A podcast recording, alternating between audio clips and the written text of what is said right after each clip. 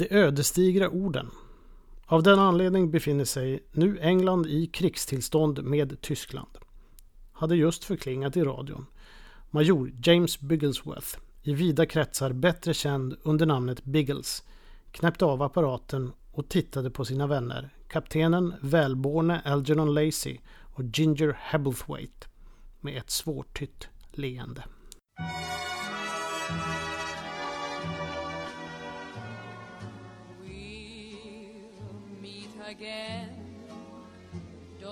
Know where, don't know when, but I know we'll meet again some sunny day.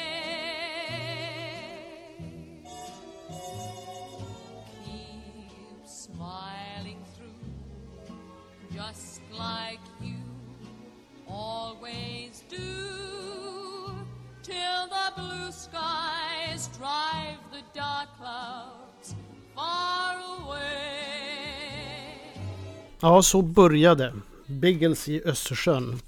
Vilket var första gången min pappa högläste för mig. Det är ett minne som faktiskt lever kvar än idag. Och så ser jag på min dotter. Hon är åtta år och just denna dag sjuk och hemma från skolan. Jag vabbar.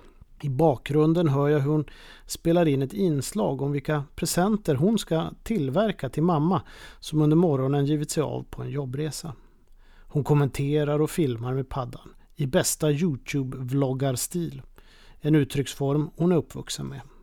Jag reser mig från jobbdatorn, går bort mot bokhyllan dit jag alltid går när jag vill få ny energi. Blicken glider vant bland böcker som medvetet inte står i någon form av ordning.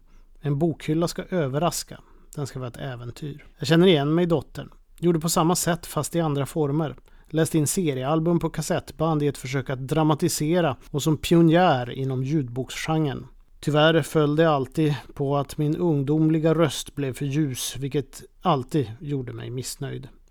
Kapten Haddock fungerar endast med hjälp av en vuxenröst. Min yngsta son har samma problem. Älskar att teckna, skapa historier och dramatisera. Det bara flödar på. Men han är djupt besviken över sin ljusa röst, vilken först kommer att förändras om några år. Ritblocken och datorns ritprogram, det är hans uttrycksform. Minns också hur jag kommenterade fotbollsmatcher. Ibland spelade jag in faktiskt. Har hela Tipsextra-matcher inspelade på kassettband. Minns särskilt en, den 31 januari 1981. Wolverhampton Wanderers mot West Bromwich Albion. Ett hett derby som slutade 2-0. Jag tror att det var Andy Gray och Mel Eves som gjorde målen för eh, Wolves, men jag är inte säker.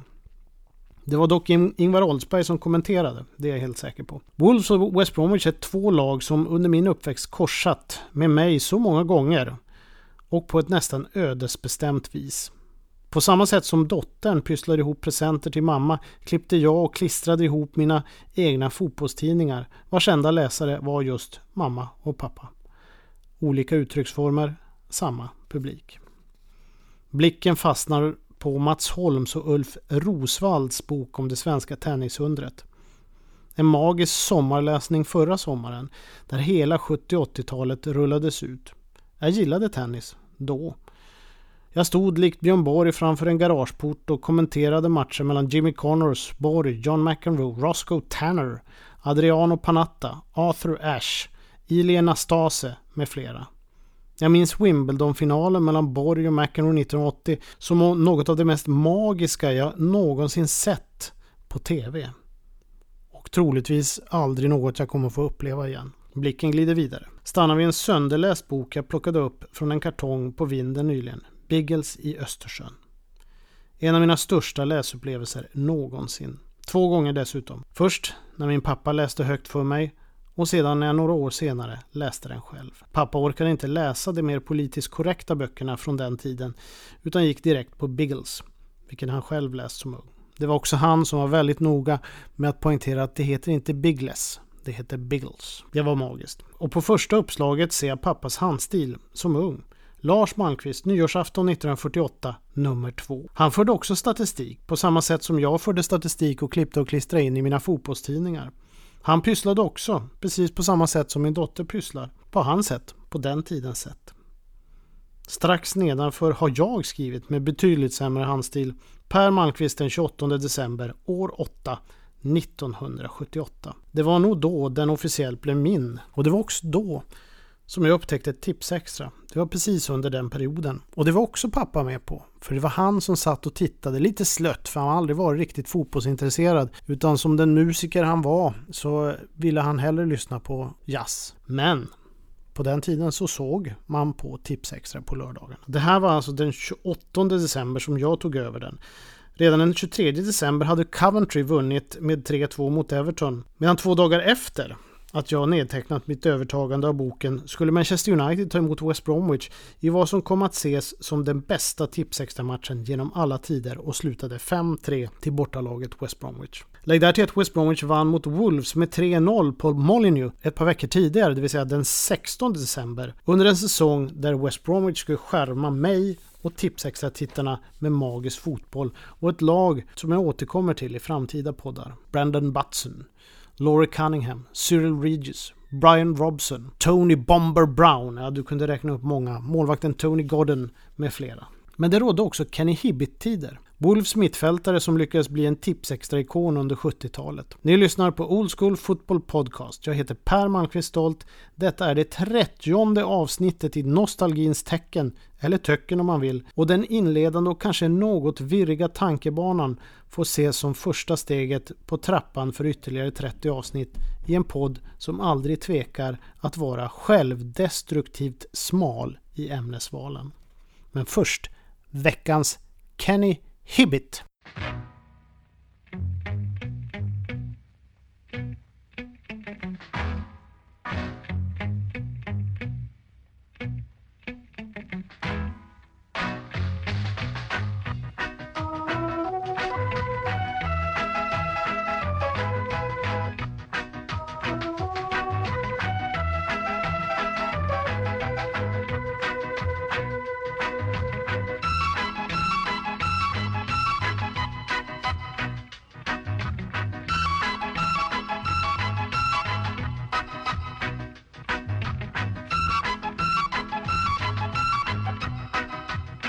Kenny Hibbit, en legendar.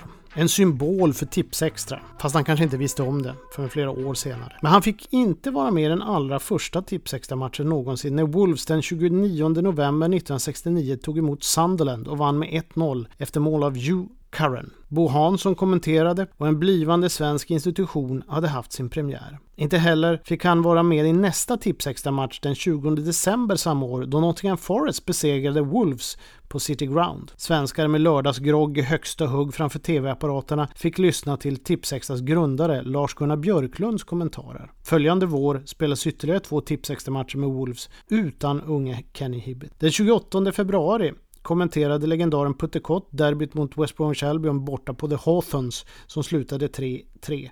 Och den 21 mars förlorade Wolves hemma mot Leeds med 1-2 i en match kommenterad av Leif Larsson. Men den 5 december 1970 var det dags för Kenny Hibbits tipsextra debut i vinstmatchen mot Blackpool. Han blev utbytt mot storstjärnan John Richards. Och återigen tror jag det var Putte Kock som kommenterade. Totalt spelade Hibbit 17 tipsextra-matcher mellan 1970 och 80, 1983, vilket är extremt mycket. Det är få lag som faktiskt har visats 17 gånger i Tipsextra under perioden 1969 till 1995. Han blev helt enkelt en del av det svenska vardagsrummet på samma sätt som Hylands hörna, Familjen McKayen, Onedinlinjen, Hem till gården, Nygammalt, Musikfrågan Kontrapunkt med Sten Broman, 10 000 kronors frågan och Sveriges Magasin med Drutten och Gena. Det finns nog ingen enskild fotbollsspelare som bättre personifierar hela känslan och succén med Tipsextra än Kenny Hibbit. Åtminstone för den första generationens Tipsextra-tittare med tyngdpunkten i 70-talet är det garanterat Hibbit som dyker upp i vad man numera kallar Top of Mind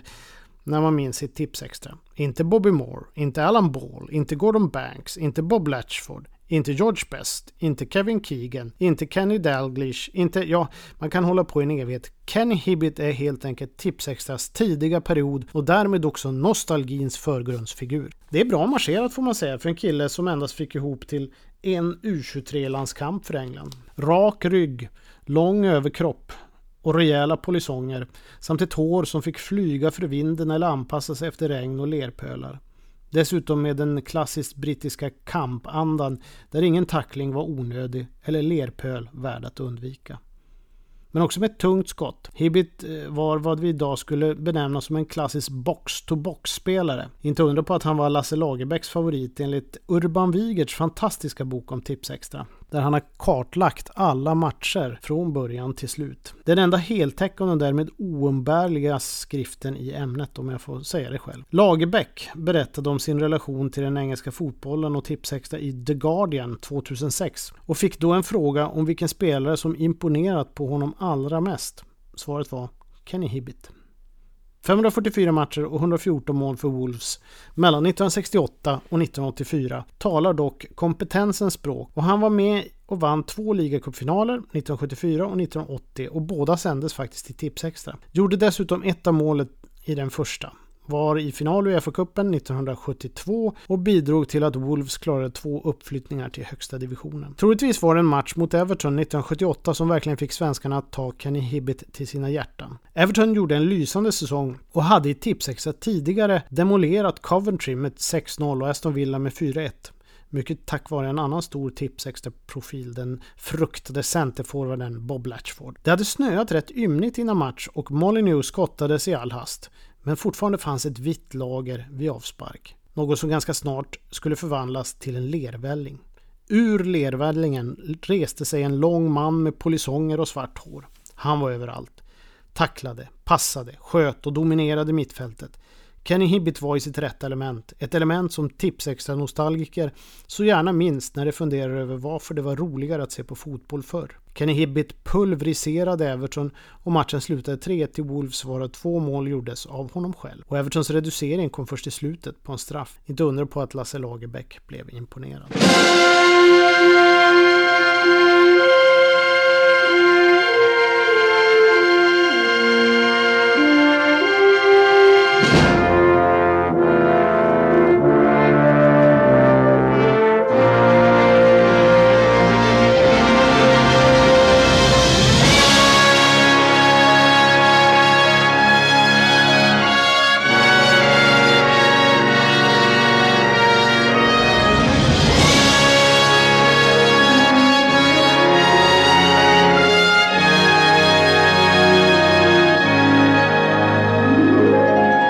Wolfsredaktionen på Svenska fans gjorde 2009 en briljant liknelse med en annan 70-talsidol, Sebulon Seb McKayen. Den väderbitne mannen vars haltande gång och långa kropp inte hindrade honom att vara en macho för alla att luta sig emot om saker och ting krisade. Alltid på moralens korrekta sida och alltid den som fick rätt. Om det så var med våld eller ord eller bara genom att stå sig väderbiten ut. Grejen är bara den att det var nog Hibbit som banade väg för Sebulan, Då Wolfsliraren var först ut i de svenska vardagsrummen.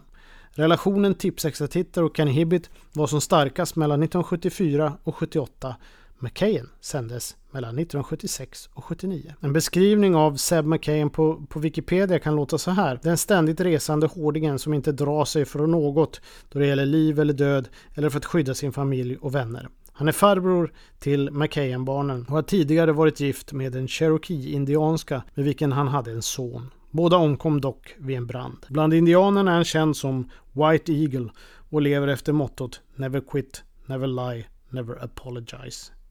The only member of the family whose name had already been touched by the stuff of legend was a man cut in the image of Bridger and Bowie and Jeremiah Johnson. His name, Zebulon McKay. Seb och Kenny, samma andas män. Hjältar som gick rakt igenom TV-rutan. Patching. Hibbets. Oh, he's tried well! Oh, that's a brilliant goal! That is a brilliant goal! Oh, pull those out of the draw from time to time. Lovely turn, all in one movement. Jennings was a bit off his line and it curled right over his head into the far corner at the bottom. Magic goal received with great delight by the Wolves supporters who traveled down. Ja, jag har ju hamnat förut i McKayen, eh, follan med mina poddar. Men det är på något sätt eh, mycket 70-tal och min ungdom. På samma sätt som Tipsextra. Men nu tänkte jag gå tillbaks ytterligare. Fortfarande på Wolves-spåret. Och jag pratar om en annan stor, känd personlighet. Men just den här var mest känd för att han var en av de mest framgångsrika managers någonsin. Stan, the Iron Manager Cullis.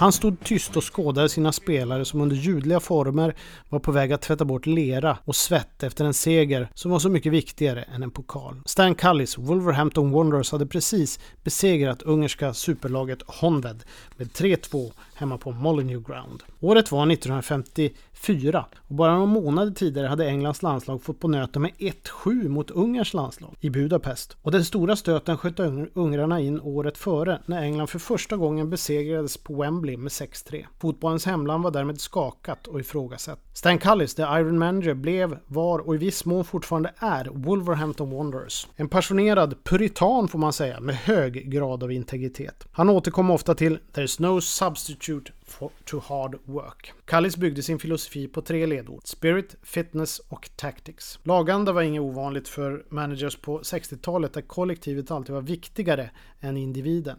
Vilket också avspeglades i nästan livegna förhållanden för spelarna även efter att lönetaket tagits bort runt 1960-61. I huvudsak fanns det också två metoder att skapa sammanhållning. Dels genom att tillsammans med laget skapa gemenskap som bygger på att lyfta spelarnas självbild, åtminstone det som för närvarande var i A-laget. Övriga fick aldrig särskilt mycket uppmärksamhet, det ska man villigt erkänna. Dels att via benhård disciplin och management by fear skapa sammanhållning hos spelarna mot sig själv som manager. Kallis tillhörde den senare kategorin. Kallis var en benhård manager. Han var inte the motivator som Bill Shankly i Liverpool, utan en fruktad boss som höll sina spelare i herrans tukt och förmaning. Respekterad men ofta hatad. Utskällningarna var legio, dock utan att svärord någonsin kom från hans läppar. Istället överanvände han ord som flipping och flopping när han var riktigt förbannad. På bänken flög han upp och ned, skrek och gestikulerade, levde med i varje spark och rörelse. Faktum var att det ansågs lite farligt att sitta bredvid. Personen var hans drivkraft, tillsammans med disciplinen. Dennis Wilshaw, centerforward och engelsk landslagsman och Wolves-spelare. I think the team spirit in the Wolves side stemmed from the fact that we hated his, his guts. Det var dock ett ledarskap som eh, passade the Iron Manager som byggde sin filosofi på gamla ideal. Faktum var att han nog såg sig som en fotbollens Winston Churchill när han drog ut i krig för England under alla de där vänskapsmatcherna som kulminerade i segern mot Honved. Dessutom patriotisk med ett enormt intresse för militärhistoria. En gång sände han krigshjälten Bernard Montgomerys biografi till fältmarskalken själv med frågan om han ville signera boken. Men det fanns fler intressen. Stan Cullys eh, brorsdotter Rita Cullis är operasångerska, vilket var en konstart Stan själv älskade. Som spelare i Wolves var han känd som en sann hedersman. En elegant back som alltid försökte spela boll. Han vann dock aldrig någon titel trots att han var nära, nära flera gånger. Titlarna skulle dock komma eftersom han 1948 tog över Wolves som manager och tillsammans med värste konkurrenten och gode vännen Matt Busby i Manchester United skulle de dominera engelsk fotboll under 50-talet. Busbys United kallades under andra halvan av 50-talet för Busby Babes medan Callis Wolves kallades för Callis Cubs. De båda lagen dominerade i allt från ungdomsfotboll till seniortitlar. De två vännerna präglades av allt för korta egna fotbollskarriärer på grund av andra världskriget. Passionen för fotbollen var dock gemensam, men synen på det taktiska upplägget, det var väsensskild. Matt Busby fokuserade på underhållning och var kanske inte så intresserad av taktiska detaljer. Hans, hans utgångspunkt var att köpa rätt spelare som passade in i laget och då växer den vackra fotbollen fram. Rätt vanligt för de flesta managers på den tiden. Det var det att få hade samma förmåga att lyfta sina spelare som Matt Busby. Stan Cullis var, trots hans bakgrund som elegant back, en ivrig förespråkare av långbollandets konst. Dessutom extremt fokuserad på detaljer. Kallis idé var att med långa svepande bollar finna snabba och flinka yttrar, vilka sedan kunde pricka inrar och centerforwards med precisa inlägg. På så sätt gjorde man mest mål och blev därmed också mest underhållande. Kortpassningsspel var emot Kallis grundläggande syn på fotboll. Därför var också matchen mot Honved så viktig. Ungern var stället där världens bästa och mest eleganta fotboll spelades och även den mest framgångsrika. Englands förödmjukelse av det ungerska landslaget satt hårt i den engelska folksjälen och ännu hade varken Europacupen eller Mässcupen startat. Så Wolves seger mot Honved ansågs, inte minst av Kallis själv, som beviset på att Wolverhampton Wanderers var världsmästare för klubblag. Lägg därtill flera vänskapsmatcher mot europeiska motstånd som Wolves vann under den här perioden så var det faktiskt lite av orsaken till att en Uefa-kongress hölls i Wien där utkastet för Europacupen för mästarlag presenterades efter den kampanj av tidningen L'Equipes dåvarande redaktör Gabriel Arnault. För Stan Kallis just denna stund i omklädningsrummet på Mollinger 1954 var det inte bara en underbar seger utan upprättelse för den engelska fotbollen och hans egen allra finaste stund. Stan Kallis ledde Wolves till tre ligatitlar, två FA-pokaler och dessutom kontinuerliga topplaceringar under hela 50-talet och inledningen av 60-talet.